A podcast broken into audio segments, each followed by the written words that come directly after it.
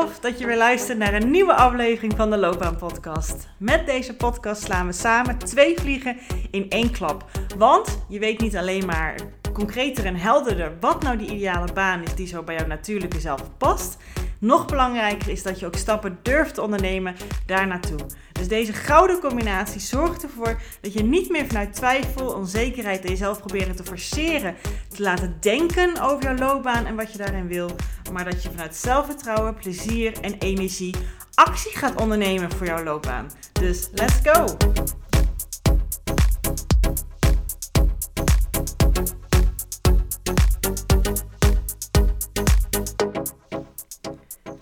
Is echt een hele grote reden die ik bij heel veel mensen zie waarom ze net niet bereiken wat ze graag willen. Waar het allemaal net een beetje half of soms drie kwart gaat, waar ze graag naartoe willen werken.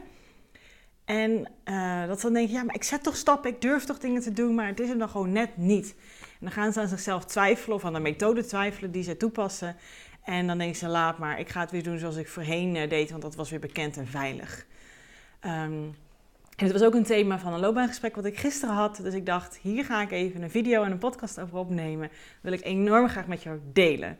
Dus welkom bij de Loopbaanpodcast. Want dit staat nu even centraal in deze aflevering. En luister hier naar, want hier zit echt wel wat in waar jij waarschijnlijk wat mee kan doen. Ga ik zo vanuit. Um, want wat ik dus, dat is wat ik net zei. Wat ik dus heel veel zie gebeuren is... Um, dat mensen wel wat stappen zetten uit hun comfortzone. Hè? Want als je in je comfortzone blijft, nou, daar heb ik het constant over. Dan hou je het bij wat je kent. Hè? Als je doet wat je altijd deed, krijg je wat je kreeg. Dus als je uh, merkt op je werk, ja, goh, ik zie al mijn collega's om mij heen uh, makkelijk hun werk indelen, of zelf opkomen, um, uh, vrij krijgen op de dagen dat ze graag vrij willen. En, en ik moet schijnbaar dan maar de restjes oppikken.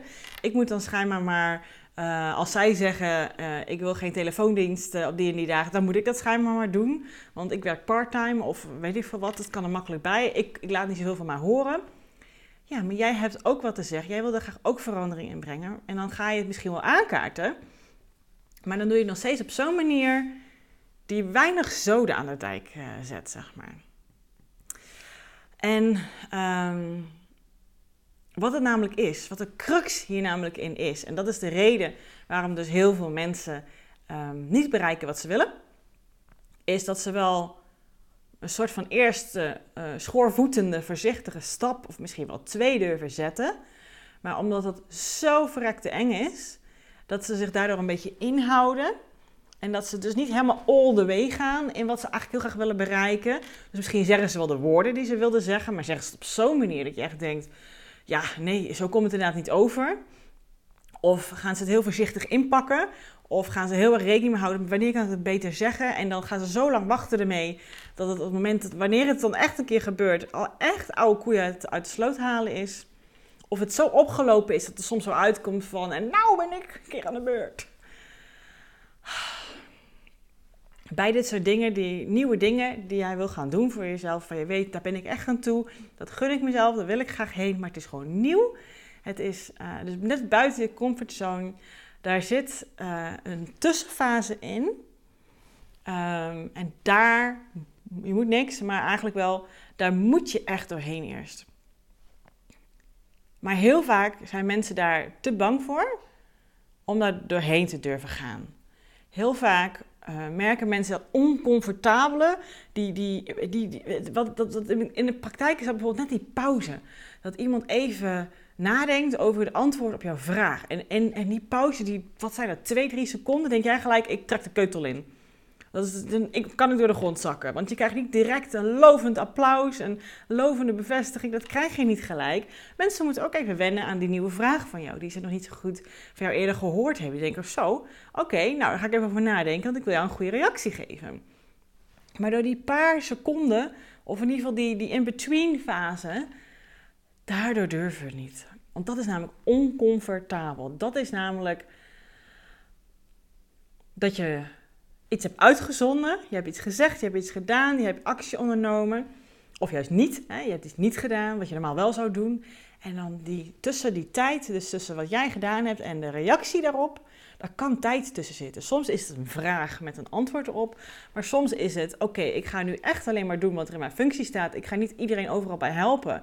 En ik ga dus nee zeggen als ze het wel vragen. Ik ga ook uitleggen waarom. En dat je dat via mailtje stuurt of via een chat of wat dan ook, of in een vergadering bespreekt. En dat het dus soms even wat tijd overheen gaat voordat je die reactie krijgt. En in de tussentijd, in die tussentijd, zit je jezelf helemaal gek te maken. En denk je, laat maar, het is veel te eng, ik doe het niet meer. En je trekt de keutel weer in. Je gaat weer settelen, je gaat weer jouw gedrag vertonen. Je gaat weer water bij de wijn doen, wat het ook is voor jou, wat je wil, graag wil gaan doen. En daar zit in. En daar had ik dus gisteren ook uh, dus, ja, met een klant over, want daar komt ook heel veel van mijn inspiratie vandaan. Um, en ja, dat, dat, dat, bij haar was het stukje inderdaad het, het vrijvragen voor iets. Het, het, zij werkte dan part-time en, uh, en dan wil ze eigenlijk op een bepaalde dag vrij hebben. Want ja, uh, niet werken, dus dat is ingedeeld wordt op de andere dagen. Maar ja, dat kan niet, want al die andere mensen hebben op die dag al vrij. En dan denkt zij, uh, kan dus niet. Laat maar, ze maakt zelf al een verhaal in de hoofd waarom het niet kan. Maar ergens weet ze ook, ja, maar hun is het wel gelukt. Waarom mij dan niet? Ik zie dat zij meer voor zichzelf opkomen. Dat kan ik toch ook gewoon gaan doen. Maar hoe zij het dan gaat vragen en hoe zij dan omgaat met die in-between fase, zeg maar.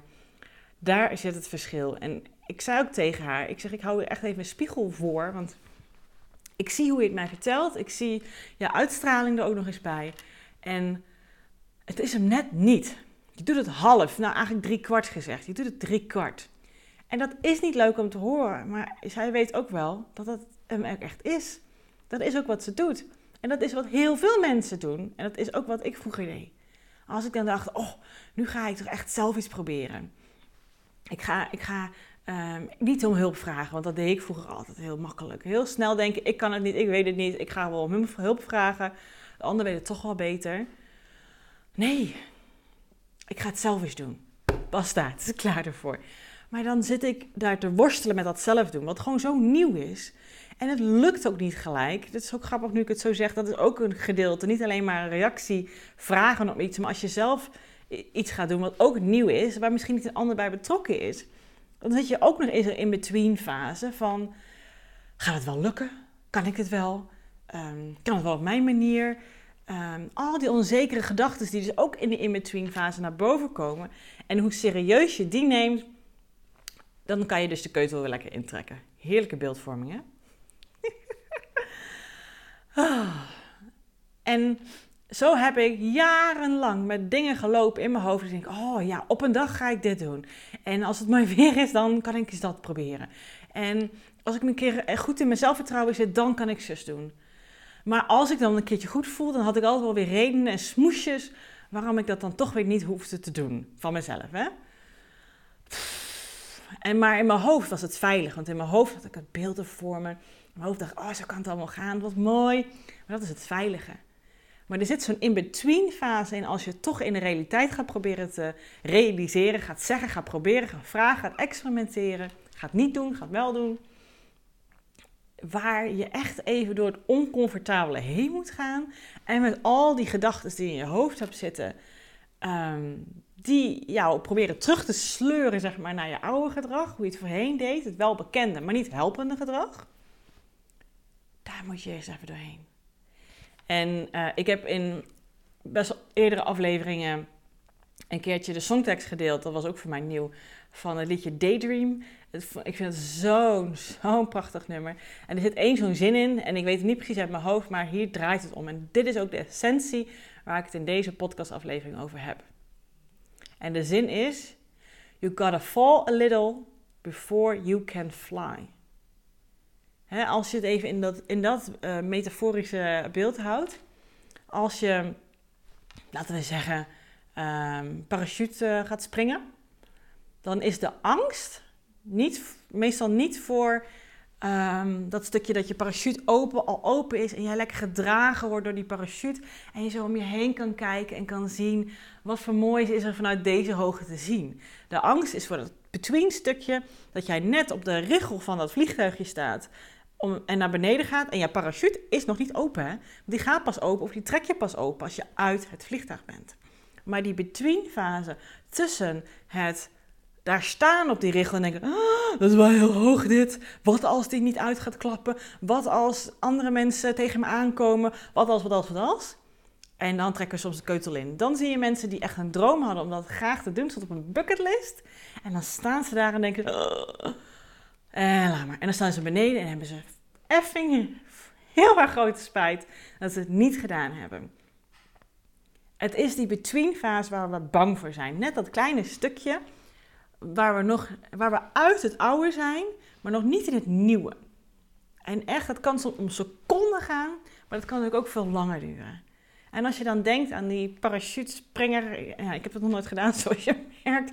Ik heb er geen behoefte aan. Maar ik heb wel heel veel andere dingen gedaan die dat gevoel mij gewoon gaf. En uh, omdat ik gewoon nu zo heel veel ervaring heb met dat stukje, dat between fase, gaat het mij iets makkelijker af. Maar goed, ik had gisteren ook zo'n dag.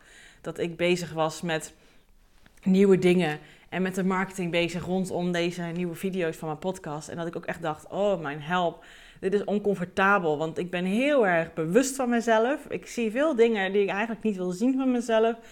En ik ben het allemaal nou op TikTok en, en Reels aan het maken. En op, op Instagram, dat, dat doe ik al langer.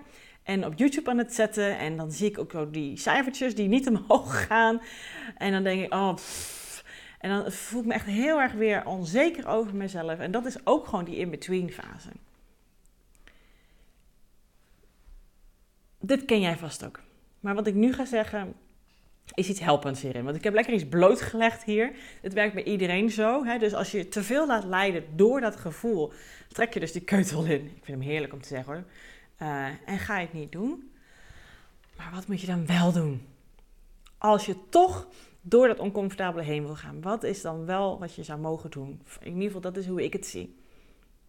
En dat is weer bedenken, dat heb ik gisteren ook gedaan. Bedenken, waarom wil je dit ook alweer?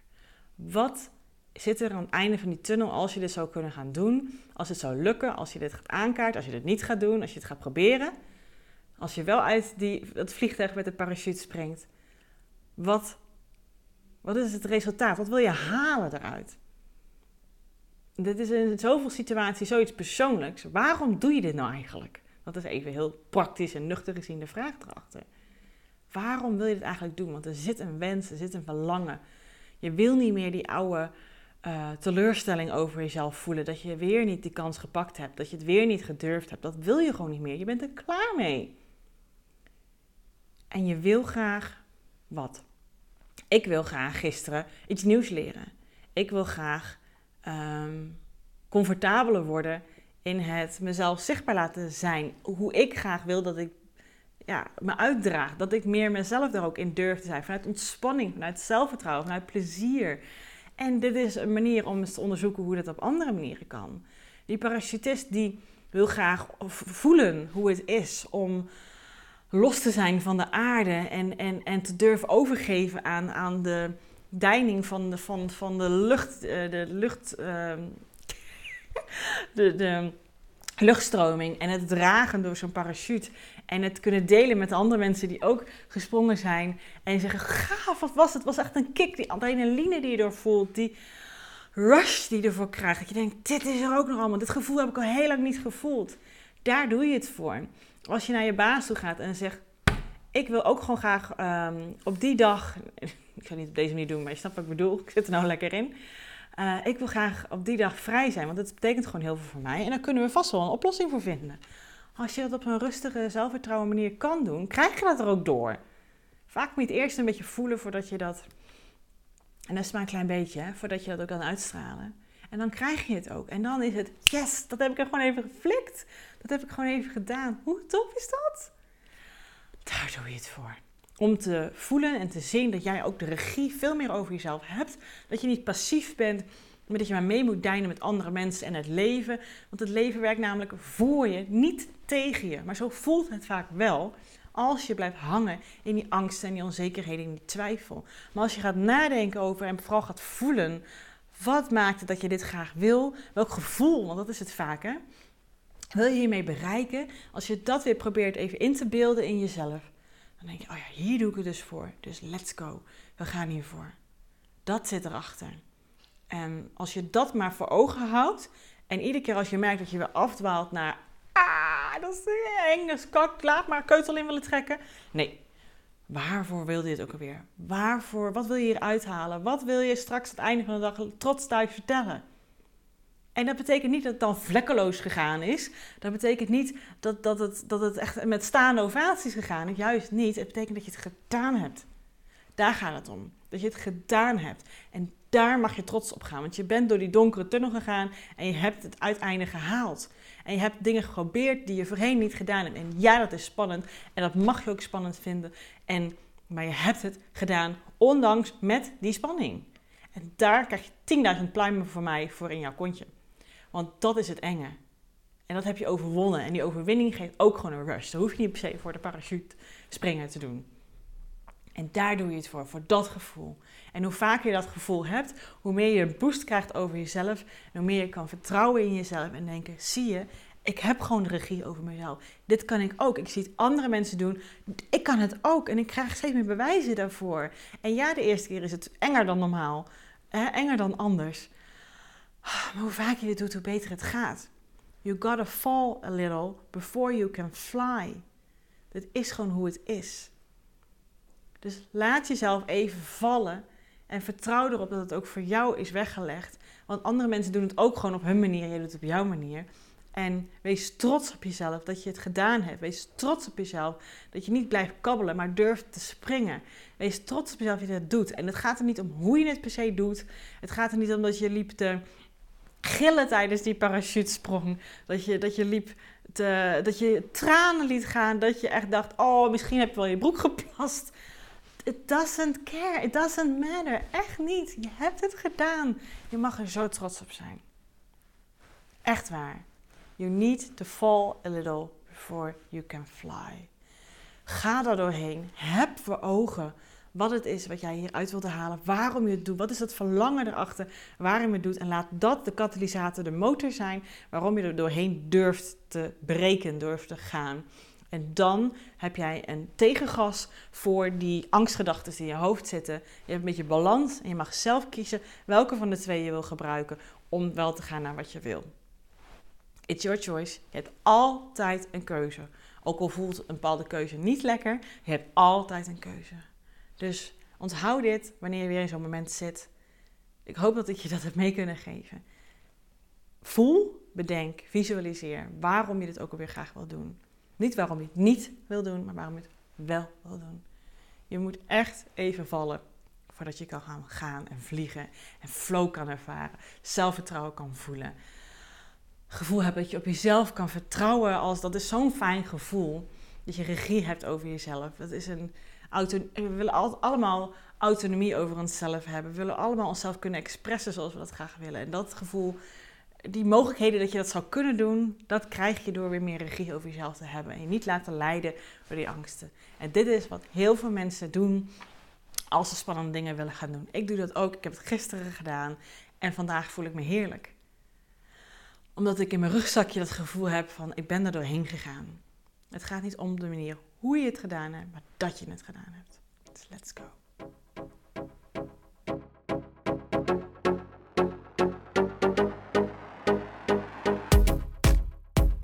Geweldig dat je deze episode hebt geluisterd om meer regie over jezelf en je loopbaan te nemen. En ben je dan ook eens ready for the next step?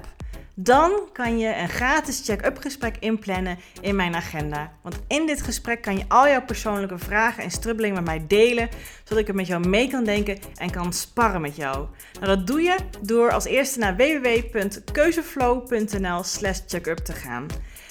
Deze link vind je ook gewoon in mijn show notes. Daar vind je ook alle links naar mijn socials. Dus als je het super tof vindt om mij te volgen in het leven als loopbaancoach en haar klanten met alles wat erbij komt kijken, vind ik het dus hartstikke leuk om ook jou terug te volgen.